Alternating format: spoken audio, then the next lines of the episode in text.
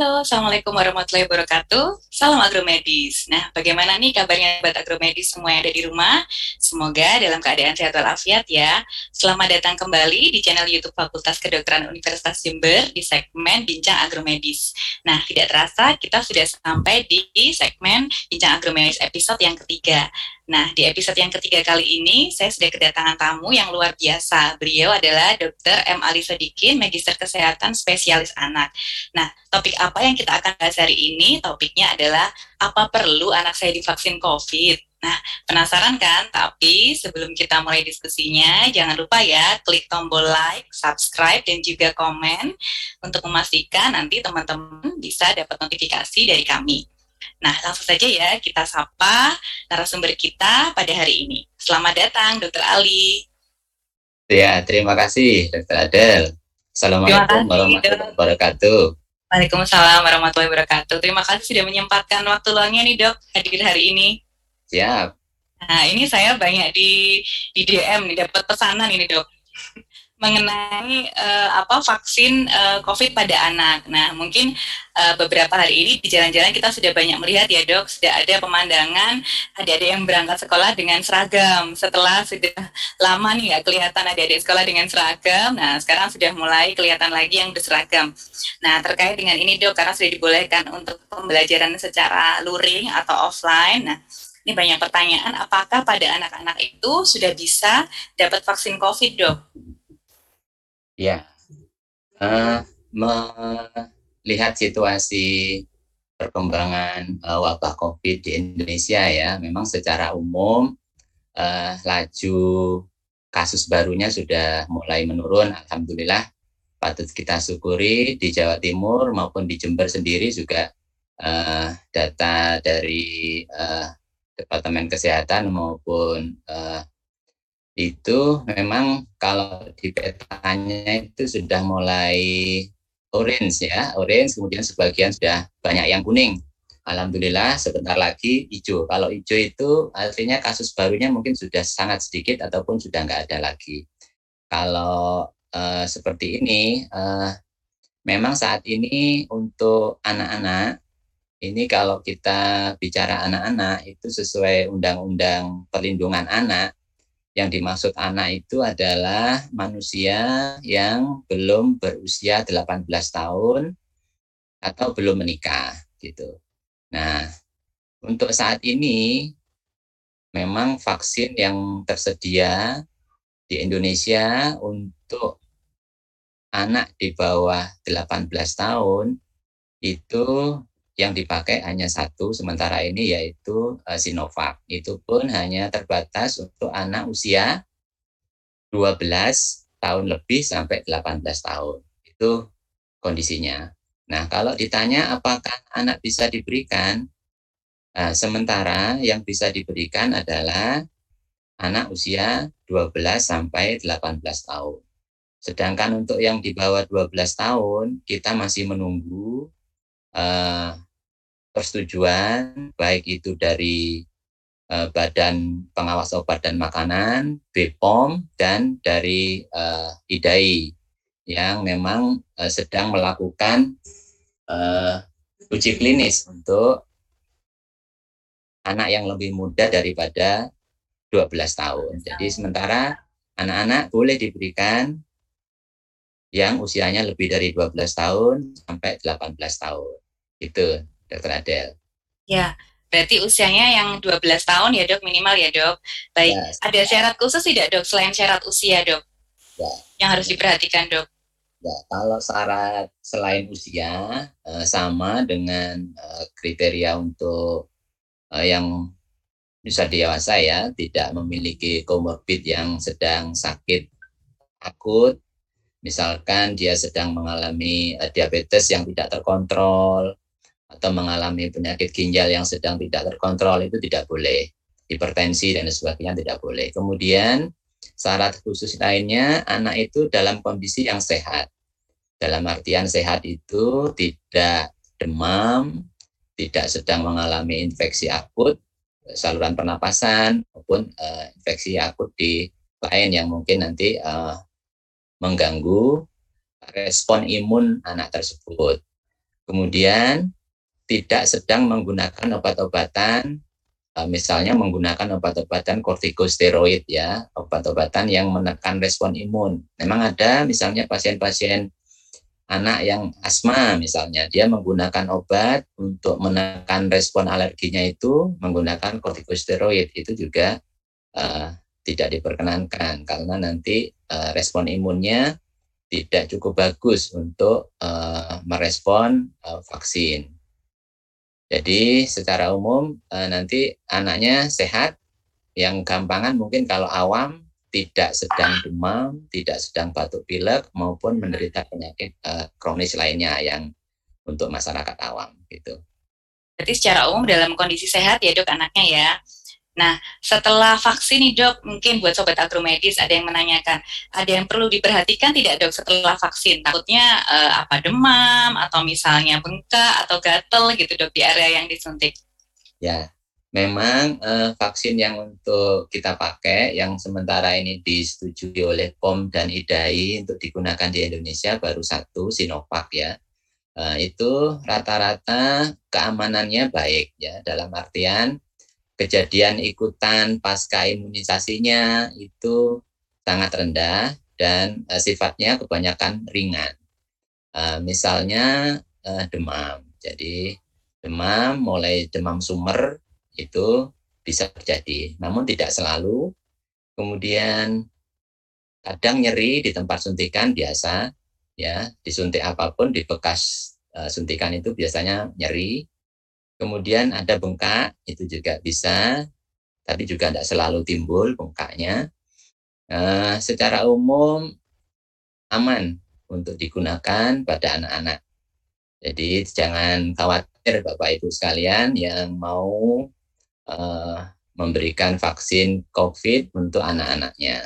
Yang usianya sementara ini yang masih bisa dilayani adalah yang usia 12 sampai 18 gitu. Ya, berarti wajar ya dok kalau misalnya ada keluhan demam terus nyeri di tempat suntikan itu wajar ya dok ya? ya masih dalam batas wajar, itu pun tidak selalu timbul. Ya, kalau untuk anak-anak itu berapa kali dok uh, ini apa vaksinasinya dok untuk Sinovacnya? Ya, tetap uh, dua kali dengan rentang waktu dua minggu sampai empat minggu. Tapi kebanyakan sekarang sudah dilakukan vaksin pertama dan vaksin kedua rentangnya empat minggu. Itu memang uh, dianjurannya sekitar empat minggu untuk bisa memberikan respon uh, imun atau sistem pertahanan tubuh kita bisa protektif timbul uh, respon imunnya dengan baik itu jedanya yang paling bagus penelitiannya empat minggu. Jeda antara vaksin satu dan vaksin yang kedua. Wah, baik. Nah, ini dok ini ada pertanyaan nih dok yang masuk. Misalnya ya. namanya anak-anak ya dok ya, kadang kan kalau dibawa uh, apa namanya bayangannya dibawa ke rumah sakit, dibawa suntik. Nah itu kan menakutkan nih dok. Misalnya nih dok, ada yang sudah vaksin pertama, terus setelah divaksin nggak mau ah berangkat yang kedua karena takut gitu, atau mungkin malah nggak mau divaksin sama sekali dok. Kira-kira dampaknya untuk anak-anak gimana dok? Yang tidak vaksin COVID ini, atau mungkin hanya yang vaksin satu kali saja dok? Vaksin keduanya nggak datang misalnya? Oke, yang pertama uh, idealnya tadi kan memang di tengah pandemi uh, eh, COVID-19 ini uh, sebaiknya divaksin untuk uh, memberikan uh, sistem imun kita atau sistem imunnya anak-anak itu bisa lebih baik. Seandainya nanti terpapar dengan uh, virus uh, SARS-CoV-nya atau virus penyebab COVID-nya itu sistem imun sudah siap. Itu idealnya divaksin satu dan dua dengan jeda empat minggu tadi. Nah, kalau tidak divaksin bagaimana? Tentunya uh, ada resiko ya. Jadi uh, untuk pencegahan memang vaksin bukan satu-satunya ya. Uh, awal dulu sebelum vaksin ini ditemukan, kemudian didistribusikan dan kemudian dilakukan, kita dulu mengenal uh, ada 3M, 5M, bahkan sekarang 6M gitu ya. Eh, memang pencegahannya bisa mulai dari situ. Jadi menjaga jarak, mencuci tangan rutin, kemudian uh, menghindari kerumunan, mengurangi mobilitas itu uh, upaya pencegahan termasuk Nah, sekarang vaksinasi. Idealnya divaksin. Kalau tidak divaksin tentu memiliki uh, kemungkinan untuk terpapar, kemudian uh, terinfeksi, dan kemudian menjadi sakit. Itu ada risikonya. Tentunya kita tidak menginginkan demikian. Kita ingin anak-anak kita itu terlindungi, kemudian bisa sehat, bisa mengikuti proses pembelajaran, baik itu di sekolah maupun uh, pembelajaran agama maupun kondisi di rumah itu biar lebih baik. Nah, kalau cuma satu kali bagaimana? Satu kali nih dok, ditawar dok, mau dua kalian, eh satu satu kali aja dok, gitu gimana dok? Ya, satu kali terus sakit, uh, misalkan nyeri di tempat suntikannya. Nah, ya. Uh, kalau satu kali itu uh, perlindungannya maupun respon imun kita itu tidak sebaik atau tidak sebagus kalau imunisasinya dua kali. Lengkap dua kali ya. Yang pertama itu kan istilahnya uh, dikenalkan pertama kali, sistem kita mengenali, kemudian uh, diingat, kemudian dibentuk antibodinya. Nah, kemudian ketika antibodi yang primer ini mulai turun, dikasih lagi yang kedua. Nah, kemudian dia ingat lagi, oh sel memorinya itu lebih baik. Dia akan memproduksi antibodi lebih cepat dan lebih banyak, kemudian uh, bisa uh, melakukan uh, mengeliminasi virus dengan lebih baik dibanding kalau satu kali. Jadi saran saya, ya kalau satu kali terus uh, mogok, mungkin ya dirayu. ya karena memang uh, lebih bagus perlindungannya kalau diberikan dua kali. Dua kali lengkap. Ya. Nah ini ada pertanyaan lagi ya dok ya, saya bacakan ya dok. Nah setelah vaksin uh, apa uh, COVID ini, apakah ada pantangan makanan tertentu dok yang nggak boleh dimakan setelah vaksin? Ya, kalau untuk anak-anak uh, biasanya kalau habis divaksin meminta makanan tertentu ya sebagai kompensasi. Ya. Minta yang dia senangi, tidak masalah. Ya, betul. Yang dia senangi apa? Untuk kompensasi karena disuntik sakit minta ini minta itu tidak masalah ya. E, secara umum makanan-makanan yang sehat dalam artian yang memang secara umum anak yang tidak vaksin pun boleh gitu. Tetap diberikan makanan e, pokok makanan e, jadi maupun buatan yang penting aman. Tapi kalau makanan nyun sewu misalkan kebersihannya kurang oh, atau ya.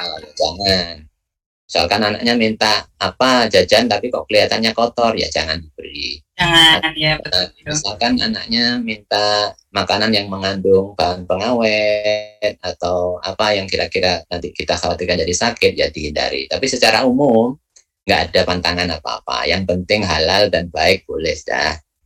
Boleh ya dok. Biar mau berangkat vaksin nanti yang kedua ya dok ya. Takutnya nanti nggak mau berangkat. Nah ini ada lagi dok. Setelah vaksin ini apa boleh mandi dok? Nah mungkin takut ini di area bekasnya disuntik tadi dok. Takut di waktu di bekasi sabun atau apa gitu takut mungkin dok. Boleh nggak dok? Nah, kalau mandi tetap boleh uh, karena tidak ada uh, respon langsung ya dengan uh, vaksinnya. Hanya memang untuk area yang di tempat jarumnya masuk itu kadang agak sakit kalau dipegang. Ya jangan dipegang-pegang di situ. Nah, kalau kena air boleh sabunan boleh. Nah, hanya kalau misalkan dia agak gregesi misalkan mungkin jangan lama-lama. Kalau perlu mungkin mandinya pakai air hangat dulu. Karena kadang itu ada efek yang tadi apa suhu badannya agak naik sedikit itu enggak masalah. Boleh mandi asal jangan terlalu lama. Pakai air hangat lebih baik setelah itu pakai baju lengkap, mungkin pakai baju lengan panjang atau celana panjang biar tidak uh, eh, terasa apa menggigilnya. Menggigilnya, baik. Ya. Tapi boleh ya, dok. Berarti mandi ya dok. Mandi. Nanti nggak vaksin jadi nggak mandi nanti setelah vaksin. Gatelan nanti. Gatel nanti. Ganti penyakit yang lain ya dok. Terus ada pertanyaan lagi dok, uh, bagi anak-anak yang kurang dari 12 tahun yang belum bisa dapat vaksin COVID, apakah ada vaksin penggantinya dok untuk antisipasi? Misalnya vaksin influenza, apakah direkomendasikan dok? Ya, jadi uh, untuk yang sementara kan tadi vaksinnya hanya untuk anak 12 sampai 18 tahun karena memang yeah. yang direkomendasikan baru itu. Yang di bawah 12 tahun itu masih dalam fase uji klinis. Nah, nanti tentunya kalau ini sudah dinyatakan aman dan bermanfaat untuk anak-anak usia di bawah 12 tahun, ya nanti akan diberikan. Nah, jadi ada uh, pembagian lagi ya nanti 6 sampai 12 tahun, kemudian 2 sampai 6 tahun dan di bawah 2 tahun. Tentunya masing-masing ini uh, akan ada penelitian-penelitian uh, lanjutan. Memang untuk dewasa aman, kemudian sudah diteliti lagi 12 sampai 18 tahun juga sudah aman, sudah diberikan, nantinya akan diikuti mungkin nanti turun 6 sampai 12 tahun. Nah, sementara ini belum, ya apa boleh digantikan dengan misalkan uh, vaksinasi dengan atau imunisasi dengan influenza. Ya, itu boleh saja karena uh, sebelum masa pandemi Covid ini vaksin influenza itu sudah uh, memang salah satu pilihan yang boleh diberikan kepada anak-anak. Karena uh, virus influenza ini juga sering menjadi penyebab anak-anak itu sakit, batuk, pilek, kemudian infeksi saluran pernapasan atas yang bisa dicegah kalau itu penyebabnya adalah uh, influenza virus.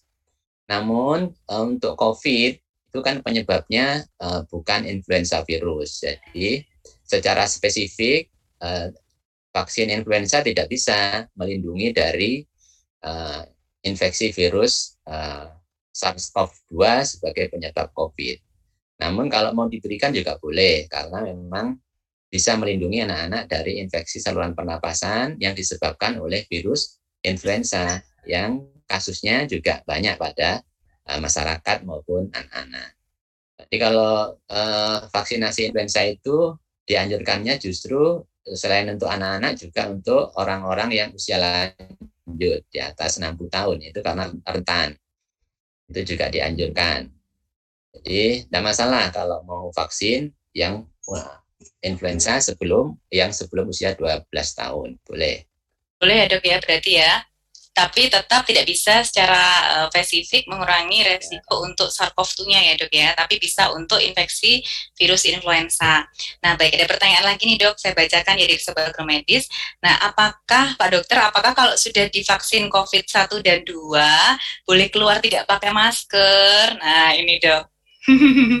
ya memang mungkin sudah wabah ini sudah satu setengah tahun ya. Ya menggunakan masker ini sudah ya lama. Pengen lama. Pengen bebas. Nah ini saya juga mohon maaf tidak pakai masker karena di rumah sendiri. Di rumah ya. Sendirian gitu ya. Sendirian nggak apa ya dok sendiri ya dok. Saya sudah divaksin bahkan sudah tiga kali ya alhamdulillah. Tapi kalau keluar ya kalau kira-kira itu di kerumunan atau misalkan berinteraksi dengan uh, banyak orang itu tetap menggunakan masker. Termasuk anak-anak yang sudah divaksin baik itu vaksin satu maupun vaksin dua nanti kalau ke sekolah di sekolah tetap menggunakan masker. Karena apa? Karena eh, efikasi atau keampuhan dari vaksin eh, COVID ini dalam melindungi eh, yang sudah divaksin dari penyakit COVID itu tidak 100%. Jadi uh, rilis resmi dari pabrik pembuatnya maupun dari POM itu kisarannya uh, 60 sampai 85 persen. Artinya meskipun kita sudah divaksin dengan yang uh, dipakai uh, Sinovac pada anak-anak itu misalkan ini ada anak 100 yang divaksin, nah, sekitar 85 persennya, nah kalau terpapar tidak sakit. Sedangkan uh, sisanya sekitar 15 sampai 30 persen kalau terpapar masih bisa sakit meskipun itu sudah divaksin dari vaksin. Namun ini tentu jauh lebih baik daripada tidak divaksin sama sekali. Kalau tidak divaksin sama sekali perlindungannya uh, istilahnya 0%. Kita hanya menggunakan pencegahan yang menjaga jarak, menggunakan masker, mencuci tangan, itu juga pencegahan. Namun lebih baik lagi kalau ditambah dengan vaksin. Iya. Jadi eh, kalau sudah divaksin, apa bisa lepas masker? Bisa nanti kalau sudah kasus barunya nol. ya, ya. Kalau sudah terlindungi, sudah uh, menggunakan 3M atau ditambah 5M, memakai masker, mencuci tangan, menjaga jarak, mengurangi mobilitas, menghindari kerumunan, ditambah vaksin, nah, kita berharap kasus barunya kan turun. turun. Kalau sudah nggak ada kasus baru, ya baru kita lepas masker nggak apa-apa. Artinya di komunitas sudah nggak ada lagi kasus aktifnya, berarti virusnya sudah tidak menyebar ke mana-mana. Insya Allah sudah aman. Tadi sementara ini kasus baru memang masih ada, walaupun jumlahnya sudah menurun. Alhamdulillah yang dulunya zona hitam, zona merah, sekarang sudah jadi jadi oranye, bahkan sudah ada yang kuning. Nanti menunggu zonanya menjadi zona hijau, insya Allah itu sudah aman. Gitu. Jadi iya. mohon sabar, mohon sabar. Sabar dulu. Bersabar dulu. Setelah vaksin tetap 3M. Tetap 3M. 3M. Usahanya ya. begitu. Dok, untuk anak-anak ini dok, apakah ada rekomendasi masker khusus dok atau disamakan dengan dewasa dok? Iya, kalau untuk anak-anak itu yang di bawah 2 tahun itu hati-hati menggunakan masker karena anak-anak yang masih di bawah 2 tahun uh, belum bisa apa ya menyatakan dengan jelas kalau dia itu sesek gitu ya. Hmm. Yeah, jangan yeah. sampai nanti eh, tiba-tiba sesek tapi anaknya diam-diam aja, nah itu tidak kita inginkan. Tapi kalau anak di atas 2 tahun itu kebanyakan sudah bisa menyatakan kalau dia uh, tidak enak atau tidak nyaman. Uh, secara umum tidak ada masker khusus, sama saja dengan masker yang kita gunakan. Kalau yang uh, apa yang banyak diedar atau beredar kan masker bedah itu simple itu sudah ada tiga lapisan ya. Itu sudah cukup memadai untuk uh, digunakan. Apalagi kalau dianjurkan pakai double ya. Tapi kalau pakai double memang lebih uh, berat napasnya. Pakai masker bedah aja sudah cukup insya Allah. Baik baik. Wah, seru sekali nih dok. An, apa berbincang dengan dokter Ali nih tapi sayangnya terbatas waktu. Nah Uh, baik, uh. jadi tetap yang disarankan adalah vaksin COVID dua kali ya dok ya, dua kali untuk mengurangi uh, kemungkinan nanti jika terjadi sakit, jadi lebih baik kondisinya. Uh, dan juga walaupun sudah vaksin harus tetap melaksanakan 6M ya dok, bukan berarti kalau sudah divaksin terus boleh ke mana-mana jalan nggak pakai vaksin atau nongkrong-nongkrong berkerumpul nggak boleh ya dok ya. ya tetap diupayakan itu dilakukan. Baik, dok mungkin ada closing statement nih dok pesan-pesan yang disampaikan untuk sobat agromedis di, e, di rumah, terutama mungkin bagi orang tua yang punya anak usia 12 sampai 18 tahun dok.